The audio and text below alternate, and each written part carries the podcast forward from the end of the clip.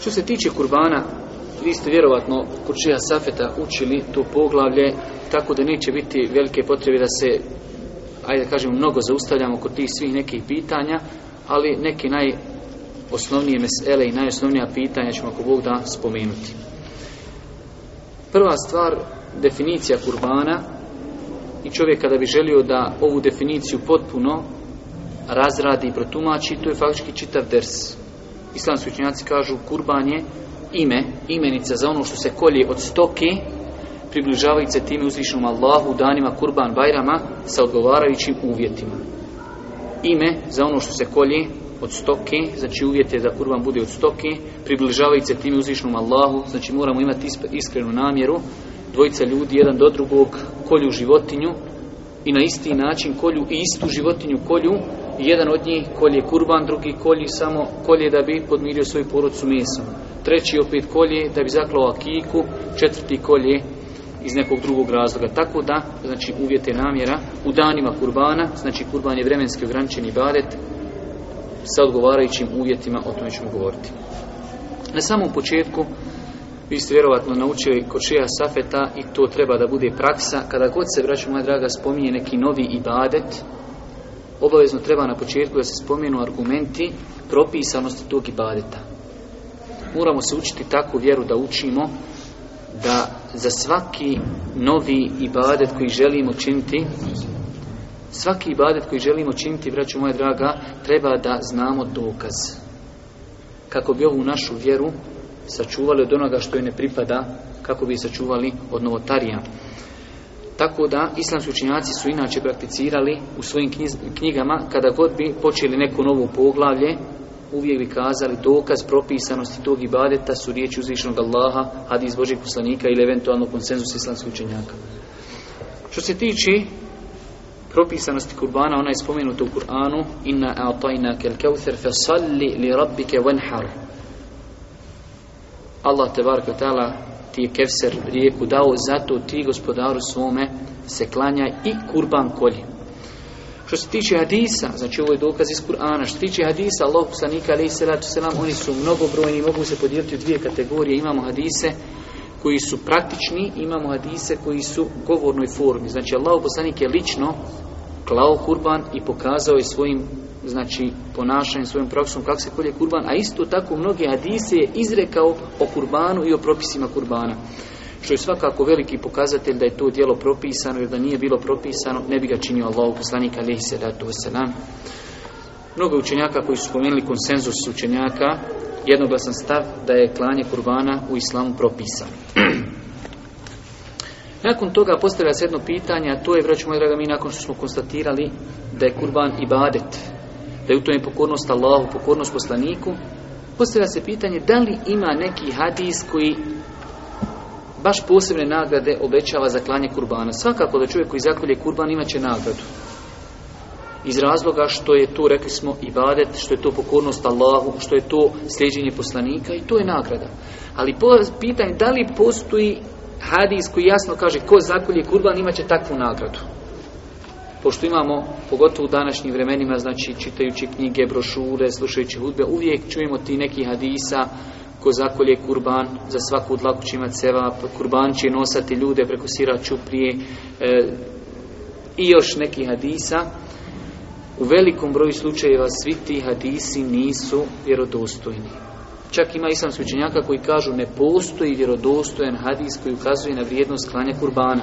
Rekao sam da samo budemo jasni, ovo ne znači da ne postoji nagrada, nagrada svakako postoji, ali kažemo poseban hadis, poseban hadis, to je već upitno. I ovi hadis koji smo citirali, da će vlasnik kurbana za svaku dlaku imati dobro djelo, da se nagrada upiše prije nego što krv kapne na zemlju, da će kurbani nositi ljude preko siraču prije, svi su to hadisi, da i neki i apokrifni ne mogu se uzimati kao šerijetski dokaz.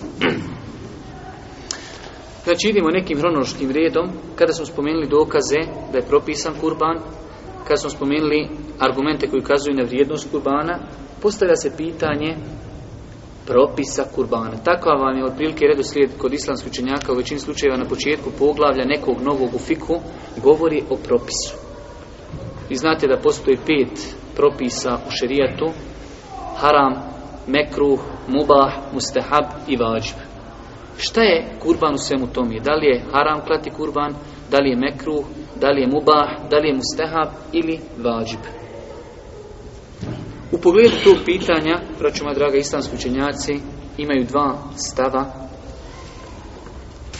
Većina, velika većina islamskih učenjaka, od kojih su i Ebu Bekr i Omer i poznati tabi'in Sejid ibn Musejib, Sufjane Theuri, Abdullah ibn Mubarak, ima malih Šafija, Ahmed dva učenika imama Ebu, e, Ebu Hanife, Ebu Yusuf i Mohamed, smatrali su da je klanje kurbana potvrđeni sunnet.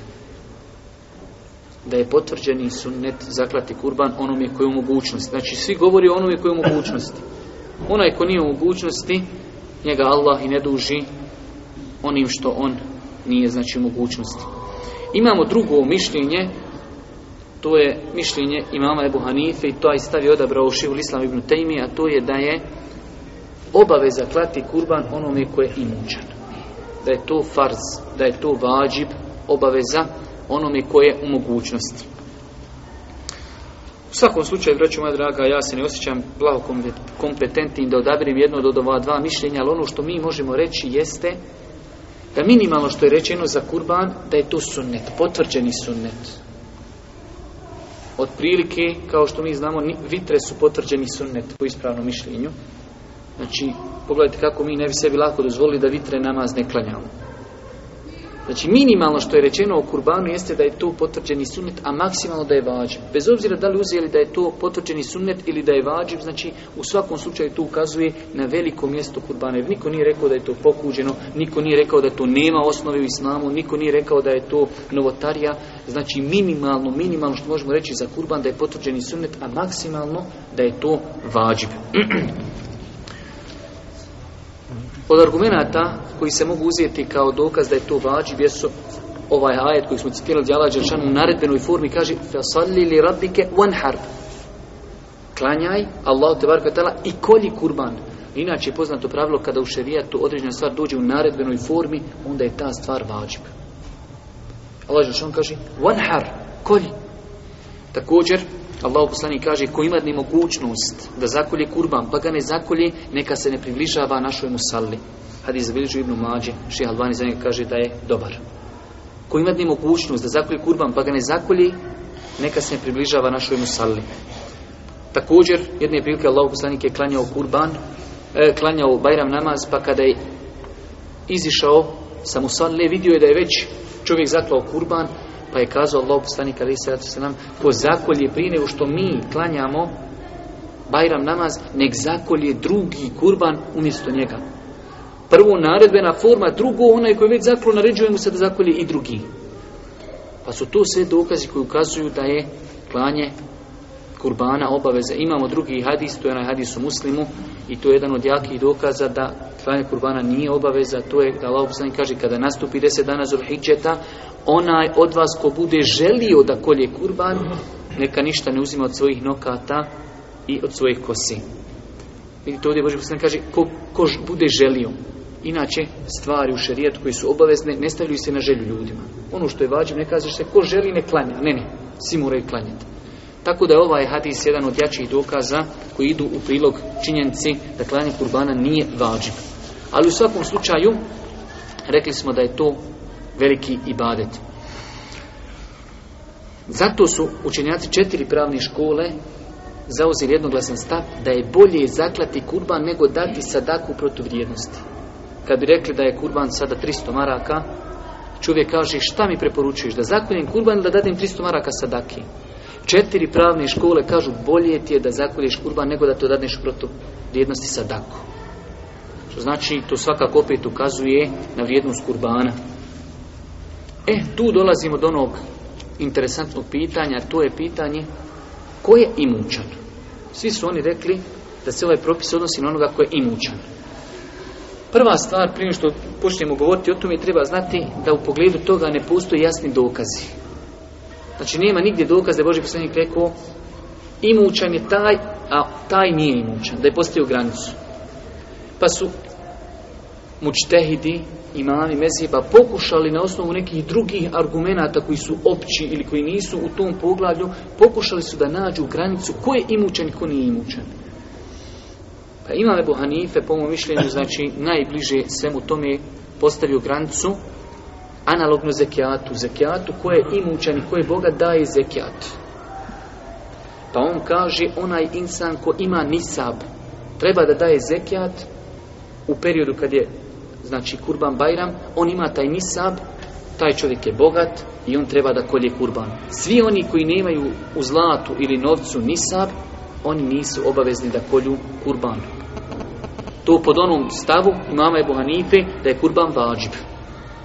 Znači, i mislim da je to jedno od naj, najbližih mišljenja s tim što znači postavljaju dosta puta ljudi pitanje, znači neko kaže ja trenutno nemam novca, ali bi mogao pozajmiti, a znam da ću za dva, tri mjeseca dobiti neki novac, mogu li ja to uraditi ili ispravno, znači takvoj osobi nije obaveza da zakuri kurban, ali ako bi čovjek pozajmio novac, zaklao kurban, njegov kurban je validan. S tim što znači nije obavezan da to čini, ali ako bi uradio, ako bi uradio, njegov kurban je validan. Nakon toga, nakon što smo spomenuli propis da je to minimalno potvrđeni sunnet, maksimalno vađib, nakon što smo spomenuli ko je imućan, da je to osoba, inša Allah, koja ima misav zlata ili srebra, koja potpada pod propis zekijata. Nakon toga postavlja se pitanje koji su tu uvjeti da bi određena životinja mogla se žrtvoj za jer, Braću moja draga, kurban je ibadet i kao drugi ibadet. Allah, Allah poslani kaže u vjerodostojnom hadisu Inna Allahe tajibun la yaqbalu Allahu illa tajiba. Zaista je Allah dobar. Allah je tajib. I ne prima ništa osim što je dobro. Tako su islamski učenjaci postavili tri glavna osnovna uvjeta da bi kurban bio validan, da se može zaklati. Prvi jeste, braću moja draga, da bude od vrsti stoki. Šta znači vrsta stoki? Četiri životinje. Deve, krave, ovce i koze. Te četiri vrste životinja mogu biti kurbani. Sve izvan toga, bez obzira bilo vrednije ili manje vrednije, od ovih životinja ne može. To je prvi uvjet da bude vrsta stoki. Deva, bez obzira mužjak ili ženka, krava, ovca i koza. Primjer radi vi znate da je konj i na našim u ovaj prostorima vrijedniji od ovci, pa čak i od kravi. I dođe čovjek i kaže, ja želim da za kurban zakoljim konja, jer možda to je našem podnevlju malo nepoznato, ali konjsko meso je Pa di su Buhari muslimu da su ashabi za vrijeme Božeg poslanika jeli konjsko meso. I e sad, ako se nekome ne jede ne treba da jede, ali znači to je hala. I sad čovjek dođe i kaže, mogu li ja zaklati konja za kurban? Pogledajte, dođe čovjek, kaže, ja ću zaklati kozu, drugi postoji pored nje konja. Ta koza može unići u konja i izići iz njega da se okrene u njemu kad je u pitanju veličina konja i ti kažeš ne može. Kakva je to logika? Logika je zato što se vjera uzima, čuli smo i pokorajemo se. Ne uzima se, kaže Ali radi Allah kada bi vjera bila po nahođenju, onda bi se trebalo mestve kad potiriješ, potirati od ozdu, zato što se ozdol noga isprlja. A kaže, ja sam vidio poslanika da ozgur mjeste potiri. Znači vjera se ne uzima po našem nahođenju. Vjera se uzima kroz dokaze. Prvi dokaz da bi kurban bio validan jeste da bude od vrste stoke. Znači deva, krava, koza i ovca. Prvi uvjet. Znači dođe čovjek kaže ja imam čurku veća od nečije kozi. Može li biti kurban? Ne može. Drugi kaže ja bi mjesto koze zaklju imam stotinu pilića. Može li to? To kad stotinu pilića svakom kilu i po 150 kila mesa. Tarki, hajde usput da ti tamo onu djecu napolje što igraju lopte tu i kod vrata, reci mi se tu i ne mogu igrati više. Moraš otići tamo okolo. Mi kažemo, znači ne može. Ne može čurka, ne može guska, ne može kokoška, ne može srna, ne može jelen, ne može konj. Znači sve te stvari ne mogu. Također drugi uvjet jeste starosna dub. Da bi kurban bio kurban, da bi bio validan, da bi bio priliku da Allah tebara treba da dostigne starosnu dob. To se, ajde kažemo u arapskom, zove zrelost životinje ili, ajde još bukvalnije prevedeno, da životinja kao da postane punoljetna. U pogledu deve tu se dešava nakon pet godina. Deva ne može se klati prije pet godine. Može se zaklati, ali nije validno. Krava ne može prije dvije godine. Koza ne može prije godini, treba da napuni godinu, da je ušla u drugu godinu, ov, znači krava dvije godine, da je ušla u treću, deva pet godina, da je ušla u šestu i ovca u pogledu ovce, iako oni koji se bave stočarstvom znaju da i ovca, znači kao i koza, ima te zube koji ispadaju nakon godinu dana i u svakoj vrsti stoke, znači potom je se gleda kada je životinja postala punoljetna, nakon ispadanja tih zuba, ali znači Allah poslanik je napravio izuzetak i dozvolio je u više vjerodostojnih hadisa da se zakolje ovca koja nije dostigla godinu. Znači u ovim ostalim životinjama nije napravljen izuzetak. Deva ne može prije pet godina. Krava ne može, makar imali kravu koja je godina i po i ona ima šest ili sedam metara, znači velika. Ima druga dvije godine joj i još par mjeseci, ali ona samo šesto 500 kila. Ova od 500 može što ima dvije godine, a ova od 800 kila, a godinu i po ne može. Ne gleda se veličina, već se gleda starosna dob. Zato ima ljudi koji griješi, kaže, dobra, kama nema veze velika je, krupna, to što nema dvije godine, kaže, može. Neispravno. Po konsenzusu leni ne može. Neispravno. Ovca, znači Allah poslanik u više vjerodostojnih hadisa izuzeo ovcu. Jednom ashabu je dijelio kurbane pa mu je dao jagnje, pa on kaže Allah poslaniče, jagnje su mi dao, kaže, žrtvuj ga kao kurban. I imate drugi hadisa u kojima, znači, da nema potrebe da tu toliko tumačimo, jednostavno, onaj, koza ne može prije godine dana, jedan asab je došao Božem poslaniku i kazao, Allah poslaniče, imam jare koji volim i vrijednim i više nego neće ovca. Može li biti kurban? Pa mu kaže Allah poslanik, može samo tebi i nakon tebe više do sudnjeg dana ne može nikom. znači ovo jasan hadis da jare, mladunče od koze ne može biti kurban prije godine dana. A suprotno mi jagnje od ovce znači može pod uvjetom, pod uvjetom da kada bi to jagnje uveo negdje u stado ovaca koji su godinu dana, da se ono ne bi znatno od njih razlikovalo. Da bude otprilike u njihovoj visini i debljini, tada to jagnje može da bude, ako Bog da, kurban. Treća, znači prva, prvi uvjet jeste da bude stoka, drugi uvjet starosna dub i treći da bude čisto od mahana. Jer kaže Inna je la yakbelu illa tajiba. Allah je dobar i ne prima osim ono što je dobro. Islamski učenjaci su, znači, jedan glavni hadis kojeg su zabilježili sakupljači sunena Ebu Dao, Tirmiz ibn Mađi i Nesaija, od Bera ibn Aziba, da je Allah poslani kazao četiri vrste stoke ne mogu biti kurbani. I to je jedan od glavnih hadisa u ovom poglavu. Četiri vrste stoke, kaže, ne mogu biti kurbani. Prvi, prva falinka, kaže, jedno oka ili čorava, čija čoravost ili, znači, onaj bolest je jasna.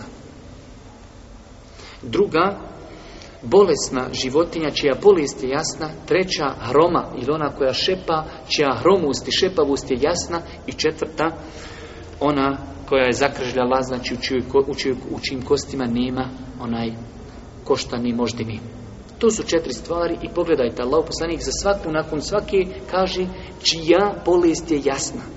Što znači, kada bi životinja koju neko želi žrtvovati malo klecala, malo, to ne smita. Jer laopisnik ovdje stavio uvjet jasno da kleca. Ako bi imala malo problema s očima i vidom, ali može ići na pašu i može stići stado, ne smita. Ako je malo bolesna, ne smita. Zato su islam sučenjaci kazali, sve mahane koje su jednake ovima ili veće od njih ne mogu, a one koje su manje i nisu jasne, inšala bisnila ta'ala mogu. Što se tiče, evo nakon kratko rezimirano, očiju, znači slijev, kurban ili kurban koji nema jednog oka ne može biti kurban. Što se tiče ušiju, imaju dvije vrste životinja. Imate životinje koje je Allah stvorio sa malim ušima. To naš narod, oni koji se malo više bave zemljoradnjom, znaju, to se zove čulava životinja, malih ušiju ona može biti kurban. S druge strane, životinja koja je stvorena bez ušiju, stvorena bez ušiju, ona ne može biti kurban. Što se tiče rogova, znači ako je životinja stvorena bez rogova, vi pogledajte razlike. Kad su u pitanju uši, učinjaci kažu ako je životinja stvorena bez ušiju, ne može kurban biti, ako je stvorena bez rogova, može. Zašto? Zato što rog ni u kom slučaju se od njega ne može koristiti u pogledu jela.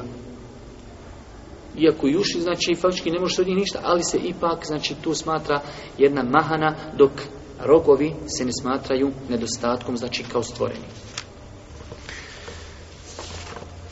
To su, znači, tri uvjeta, vraćamo, moja drage, njih je veoma bitno zapamtiti. Kurban da bi validan, treba da godišnju dob upotpuni, da je vrsta stoke i da nema pri sebi nekih velikih mahana. Najbolje da nema nikakvih mahana, ali ako su tu neke malehne mahane, da malo pleca, da je malo bolesna životinja, da malo ima problema sa vidom, znači tu su učenjaci bili tolerantni, iako znači nema onaj najbolji da bude ajde da kažemo što potpuniji, što bolji kurban.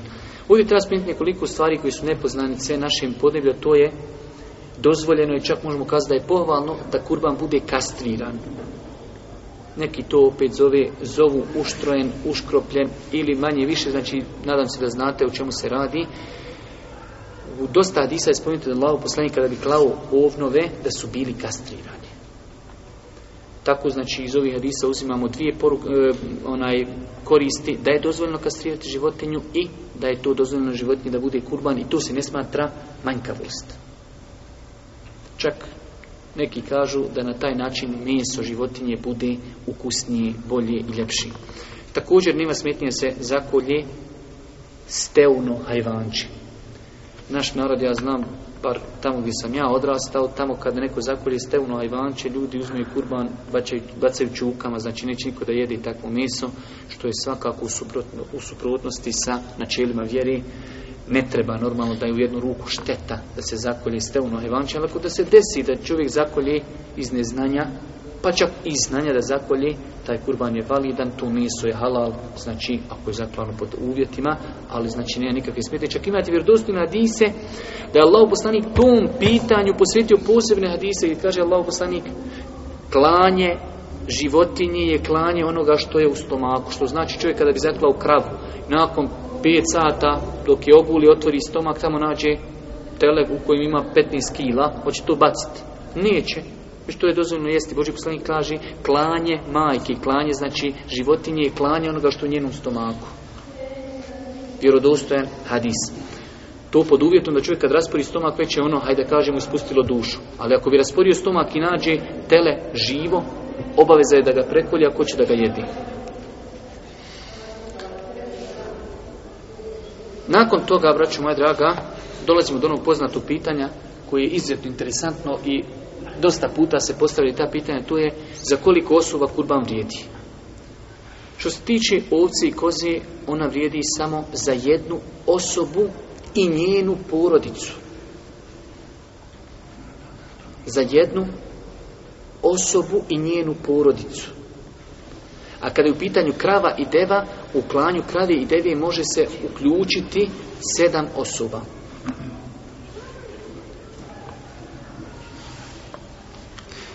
U klanju krave i deve može se uključiti sedam osoba, sedam različitih porodica.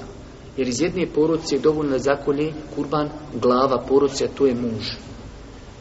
I da sa njim u nagradu ulazi čitava njegova porodica. Znači u klanju kozi i ovci, onaj kak se zove, može da to bude kurvan samo za jednu porodcu, za jednog insana, a u klanju krave i deve može učestvati sedam osoba, kao što je došlo u na hadisu da su za vrijeme Božijeg poslanika učestvovali i uključivali se po sedmorica u klanju deve i kravi.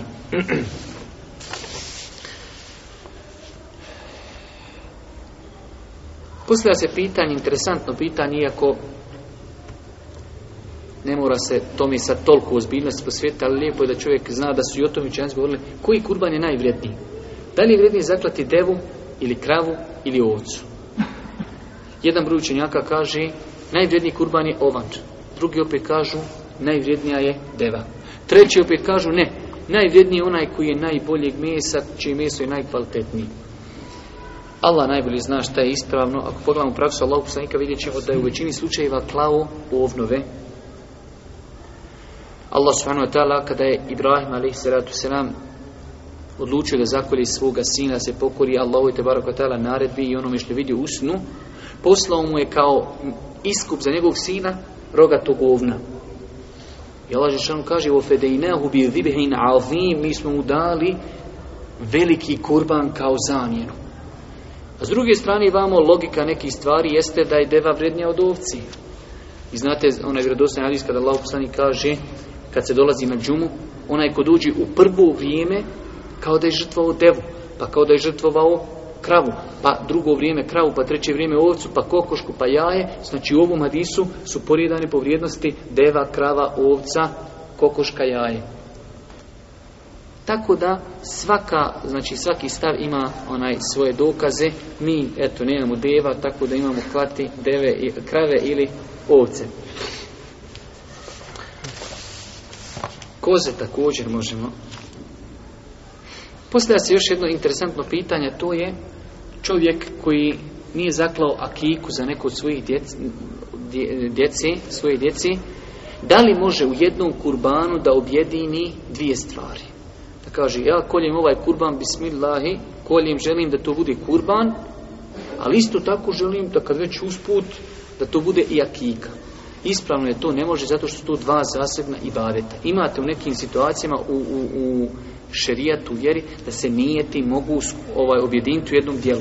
Čovjek kad dođe u džamiju i hoće klanjati dva rekiata i kaže sa ova dva rekiata nije tim tehijetul mesđid, dva rekiata sumnjeta prije podne namaza, dva rekiata onaj poslije abdesta.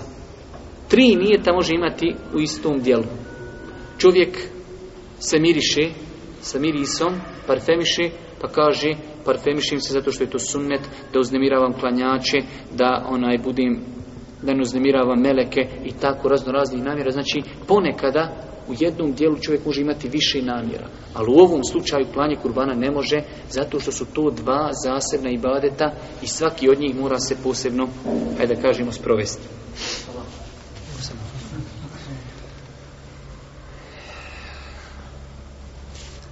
Imamo jedan hadis u pogledu kojeg su islamski učinjaci razišli i njegov i to je na hadisu Museleme u Muslimu, da kaže Museleme, rekao Allah poslanik, kada nastupi Zulhidje, mjesec, to je ovaj mjesec u kojim je Bajram, Kurban, kaže, onaj ko želi da kolje Kurban, neka ne uzima ništa od svojih nokata, niti od svojih kosi. U Pogledu ovog hadisa učenjaci se razišli, mesep koji je zastupljen našim prostorima hanefijski mezeb, oni onaj su smatrali da te stvari nisu zabranjene zbog drugih argumenata koji su spomenuli. Ja lično smatram da čovjek da je to zabranjeno i da je prioritetnije čovjek te stvari ne radi. Kad nastupi deset dana Zulhičeta, oni koji imaju plan da kolju kurban, jer Allah, oni koji imaju plan da kolju kurban imaju namjeru, ne treba od svog tijela ništa da uzimaju od nokata, dlaka i koži. Kad su u pitanju dlake, znači to obuhvata sve dlake na tijelu. Kosa, dlake ispod pazuha, dlake oko stidnih mjesta, e, dlake po cijelom tijelu, bilo koji način ustranjivanja dlaka, čupanje, brijanje, spaljivanje, nikako ne treba znači uklanjati dlake. Ona jer Allah kaže, znači kada nastupi rez dana Zulhidžeta, nemojte kratiti svoje nokte i nemojte uzmati ništa od svoje kosi. Tako da Allah najbolje zna prioritetnije je da se onaj postupa po tom hadisu, s tim što treba naglasiti nekoliko stvari. Prva stvar, da se taj propis odnosi samo na vlasnika kurbana. Čovjek koji hoće da kolje, njegova žena, djeca, pa čak ako živi sa ocem i majkom u istoj kući, niko nije znači, vezan tim propisom osim on, vlasnik kurbana. Druga stvar, ako čovjek nekome daje opunomoćenje da kolje kurban, čovjek iz Austrije nazove u i kaže, brate, za kolje mi kurban. Taj brat koji kolje kurban, na njega se to ne odnosi. Odnosi se samo na onoga tamo čovjeka koji je vlasnik kurbana, koji je to tražio. I zadnja stvar, ako bi se desilo da neko uradi određenu stvar, bez obzira s namjerom ili bez namjere, nema nikakvog iskupa. To je grije, pokaje se Allahu i završena stvar. Ako je postala neka potreba, kao hiruški zahvat ili nešto drugo, znači, znate vi kako kad se operacija vrši, mora se obrijati, znači, tijelo, normalno da će se u tu situaciji ona ta stvar počiniti zbog veći koristi. Znači, ali zapamte pravilo i po onima koji su rekli da se radi po ovom hadisu, ako čovjek to prekrši, nema nikakvog iskupa i njegov kurban je validan. I oni koji su rekli da je taj hadis, znači po njemu se postupa i radi, to je hambelijski mesep, oni opet kažu ako bi čovjek uradio nešto spomenuti stvari, odrezao nokte, osjekao nokte, obrijao određen dio tijela, njegov kurban je validan, s tim što je znači napravio taj prijestup. Nakon toga, rekli smo u definiciji kurbana da je to ibadet koji je vremenski ograničen. Imate u šerijatu ibadete koji su ograničeni, imate ibadete koji nisu ograničeni.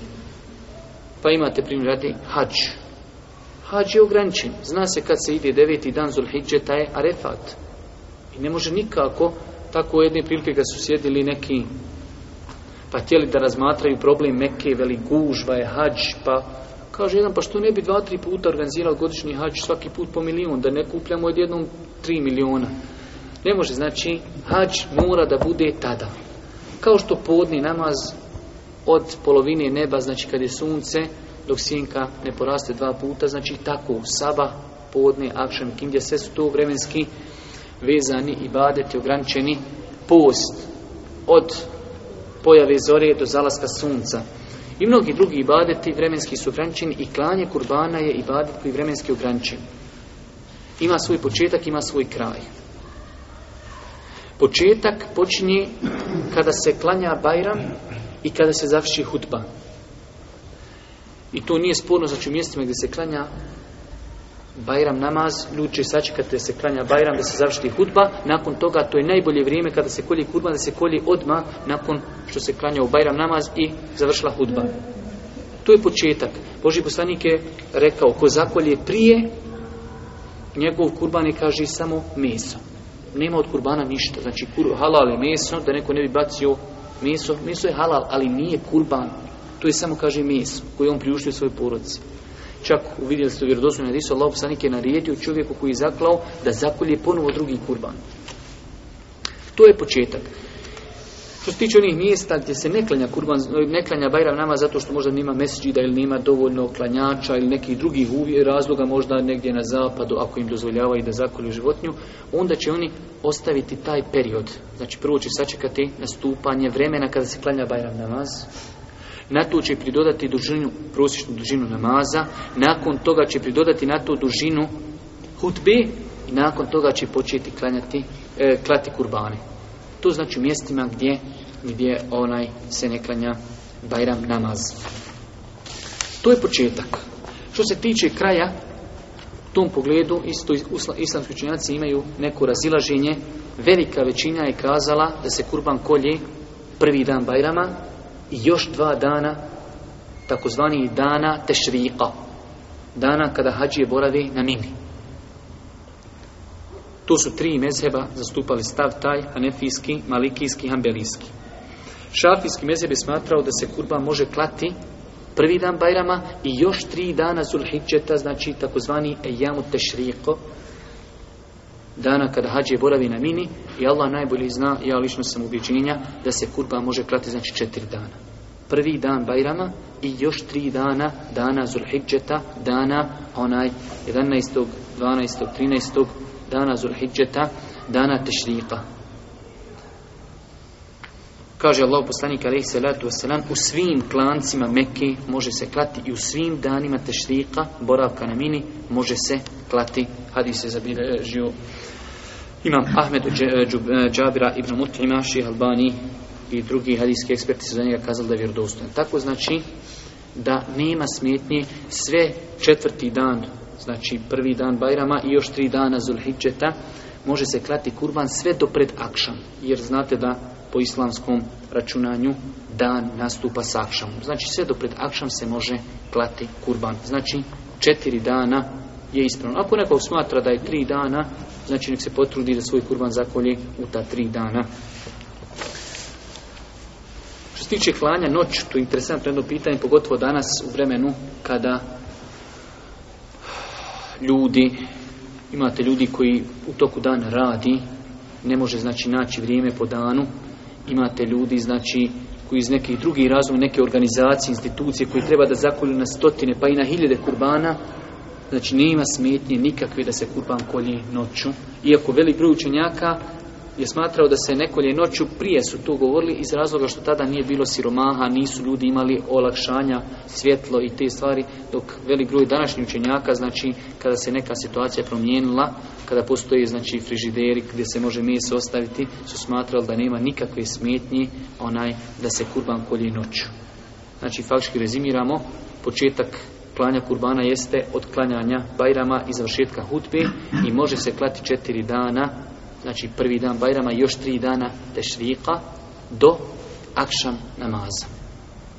Nema smetnje nikakve da se namaz, da se također kurban kolji najveći. Najbolje vrijeme rekli smo odmah nakon klanjanja Bajrama, onaj ko može, ko ima uvjete, ima mogućnost, slobodan je tih dana, znači najbolje je odmah da zakolje kurban. Što se tiče nekih savjeta vezano za kurban, čovjek treba kurban da dovede na mjesto klanja na lijep način, da ga znači ne tuče, da ga ne vozi, onaj, već da ga na lijep način dovede, da dobro naoštri nož, jer Allah poslani kaže fa idha qateltum fa ahsinu qitle kada kolijete životinje na lijep način to rate, ne možeš drugačije urati osim da naoštriš nož, čak to u nastavku hadisa i kaže, kaže, a kada kolijete životinju, dobro naoštite nož. Znači dovesti životinju na lijep način, dobro naoštiti nož, nož naoštriti prije nego što se dovede životinja na mjesto klanja, da tu životinja ne vidi. Allah poslanik kada je vidio čovjeka, pa je doveo životinju pa je povalio da je kolje i onda je počeo da oštri nož. Kaže Allah poslanik, zar želiš da je usmrtiš više puta? Znači životinja sama to zna i znači to iščekivanje klanja je i životinji teško. Zato znači je preporučeno se nož prije vremena pripremi i da se ne oštri pred životinjom. Također, lijepo je, ako je insan u mogućnosti da on lično zakolje svoj kurban, ako to ne može, da on lično tu prisustuje, ako ne može, onda da upunomoći nekoga koji je povjerljiv i koji zna propise klanja kurbana. Znači, prvo, ako može, da on lično zakolje. Ako ne može, onda da bude prisutan, da gleda ko to kolje. Ako ni to ne može, onda da zaduži povjerljivu osobu koja zna propise klanja kurbana, da je zaduži da to uradi za njega. Što se tiče korištenja mesa, vraću moja draga, to je jedno od najčešćih pitanja koja se postavljaju vezano za ovu tematiku, a to je kako podijeliti kurbansko meso. Prva stvar, ne postoji vjerodostojni argumenti iz prakse Božeg poslanika kako je on dijelio kurbane. Većina u uleme je preporučila na osnovu predaja Selefa da se kurban podijeli u tri dijela, podjednaka dijela. Jedan dio se ostavlja sebi, jedan prijateljima, poznanicima, komšijama, a jedan sirotinji i bijedi. Tu je samo, možemo reći, lijepo, ali ne obavezujući. Tako da čovjek kad bi uradio suprotno tome, da bi podijelio pola-pola, pola ostavio sebi, pola podijelio siromasima, može. Kada bi ostavio sebi samo jednu kilu, podijelio sve ispravno. Kad bi sebi sve ostavio, odijelio samo jednu kilu, opet je ispravno. Ali eto, ovo je neka zlatna sredina, znači kako bi čovjek postigao sve one neke ciljeve zbog kojih je propisan kurban i da sebe obezbijedi mesom, kurban je propisan i zato. Da bi udijelio onim ljudima koji od tebe očekuju kurban kao tvoji prijatelji, rođaci, komšije, a na kraj krajeva da bi postigao i to da se znači podmire oni koji su siromašni to je vijeda. I tako da čovjek znači na taj način ako postupi dobro je postupio, ali ako postupio i suprotno ako Bog da njegov postupak je ispravan i validan.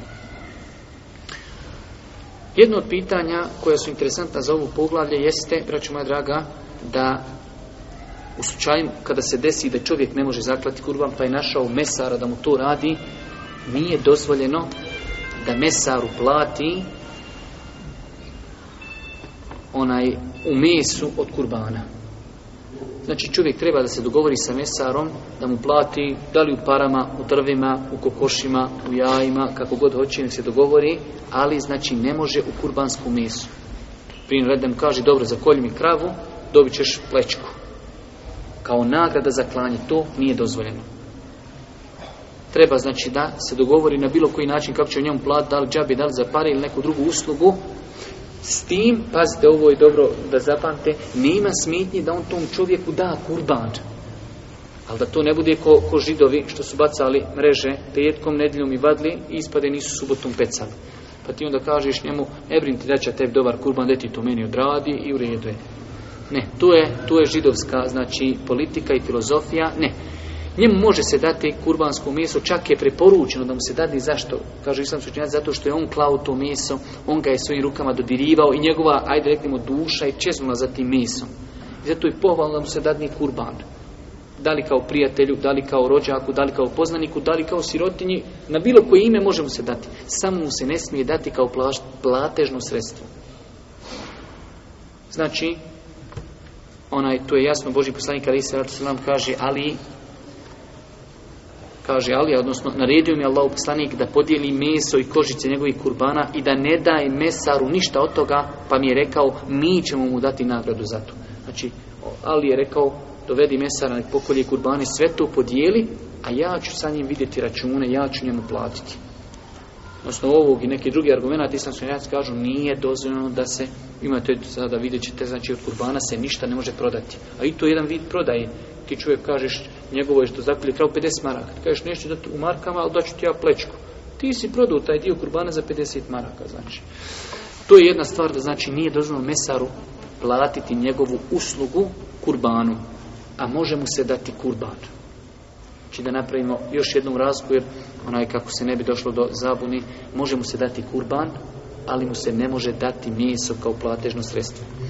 I zadnja stvar vezana za ovu poglavlje naše kurbana jeste da od kurbana se ne smije ništa prodati. Pa čak ni kožica, znači kurban se sav treba podijeliti i kožica se treba ili sebi ostaviti koristiti ili dati nekom džabe, ali se ništa ne može prodavati. Allah poslani kaže, ko proda kurbansku, kurbansku kožicu, njegov kurban je ništavan. Hadis se vidio imam hakim, še Albani kaže da je dobar. tu je, braću moja draga, nešto osnovno vezano za kurbane.